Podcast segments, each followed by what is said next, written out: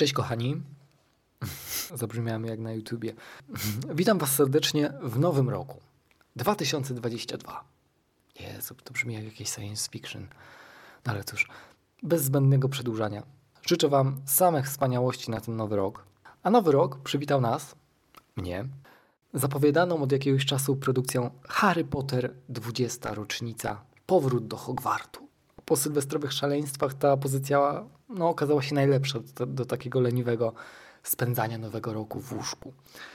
Wszyscy Potterhead, więc jak jeden mąż, usadowili się przed ekranami, no i zatopili się ponownie w swoim dzieciństwie.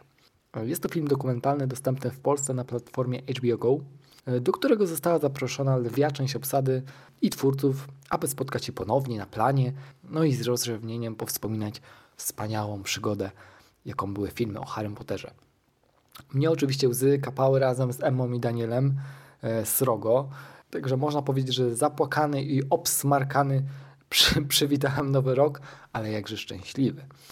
Chociaż brakowało mi trochę aktorów, na przykład Maggie Smith, która czuję, że byłaby taką jajcarą w tym dokumencie, czy, czy, czy, czy, czy, czy Imeldy Stanton, a ona pewnie teraz gości się w pałacu Buckingham, oczekując na premierę nowego sezonu The Crown.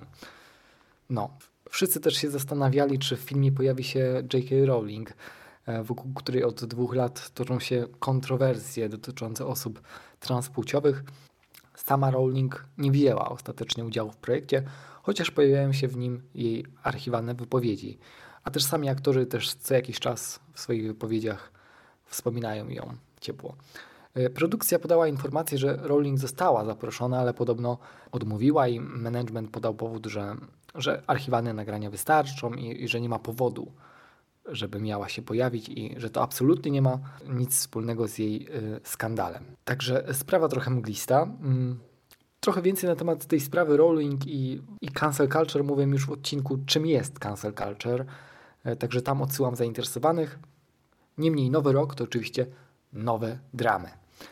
John Stewart, czyli taki amerykański komik, aktor, producent, osobowość telewizyjna, swego czasu gospodarz programu The Daily Show with the John Stewart, zdobywca nagrody Emmy e, i też swego czasu gospodarz gali wręczenia Oscarów, a od niedawna prowadzący swój program na platformie Apple TV zatytułowany O problemach z Johnem Stewartem, do którego zaprasza gości i mniej lub bardziej poważnie rozmawiają na temat współczesnego świata.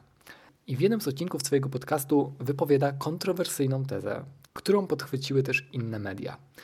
Mianowicie Stewart porównał gobliny przedstawiane w filmach o Harrym Potterze, pracujące w banku Gringotta, z antysemickimi ilustracjami przedstawionymi w książce z 1903 roku Protokoły mędrców Syjonu, która jest pełna antyżydowskich teorii spiskowych dotyczących właśnie Żydów. W swoim podcaście wraz z rozmówcami kpiąc odnosi się na przykład do miłośników serii, którzy nie widzą według niego analogii do stereotypowego rasistowskiego wyobrażenia Żydów na przestrzeni historii związanych na przykład z pieniędzmi, bogactwem, lichwą i wynaturzonym ciałem w postaci na przykład długich nosów czy rąk, które właśnie mają uosabiać gobliny w Harrym Potterze. To znaczy historia antysemityzmu jest oczywiście wielowątkowa, skomplikowana i geneza w zasadzie do tej pory jest tematem dyskusji i może sięga nawet starożytności. Natomiast takie karykaturalne wyobrażenie Żydów prawdopodobnie sięga XVIII wieku.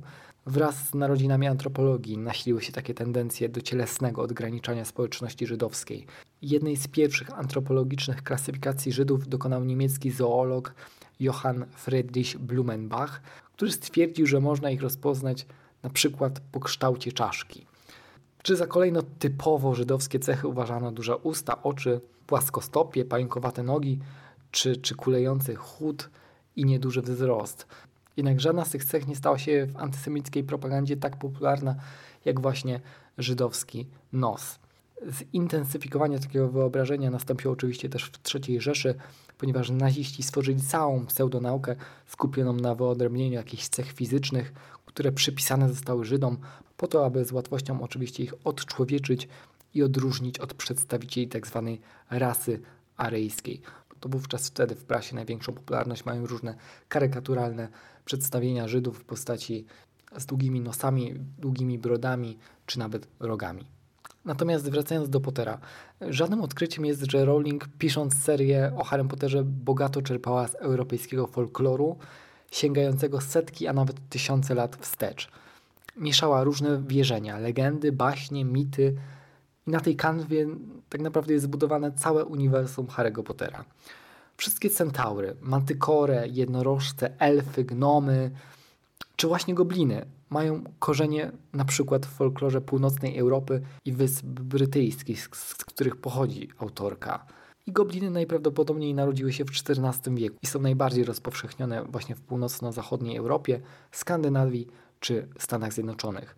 Mówi się, że nazwa goblin pochodzi z francuskiego, ale również ma niemieckie, greckie, łacińskie korzenie z ogólną negatywną konotacją, a dokładnie słowem gobelinus, która jest nazwą diabła lub demona.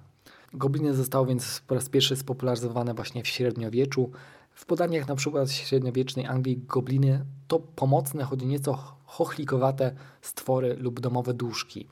Mają co nieco wspólnego ze szkockimi skrzatami, francuskimi gobelins czy niemieckimi stworami o nazwie kobolde. I chociaż wygląd różni się od kraju do kraju, to w większości przypisuje im się wzrost równy mniej więcej połowie wzrostu dorosłego człowieka. Mają siwe włosy, brody, a ich ciała, rysy twarzy zwykle naznaczone są jakąś groteskową cechą. Mogą mieć na przykład za dużo palców, skrzyczący głos, czy, czy powieki odwrócone do góry nogami. Wreszcie do ulubionych psikusów goblinów należy kradzież złota i srebra. Mało tego, gobliny z Harry'ego Pottera uderzająco podobne są do mitycznego skandynawskiego stworzenia zwanego Nis. Zgodnie z wierzeniami Skandynawów te brzydkie krasnale mają szczególną żyłkę do pieniędzy. Taki wściekły krasnal miałby atakować swojego gospodarza i niszczyć cenne rzeczy. Jeśli natomiast chciałby mu dać podarek, to zwykle przyniósłby skrzynkę pełną złota. Także sami już ocenicie, czy dla Was cwane, mało przyjazne gobliny z banku Gringota, które przechowują pieniądze w banku dla czarodziejów, to alegoria antysemityzmu, czy może miks europejskiego folkloru i współczesności.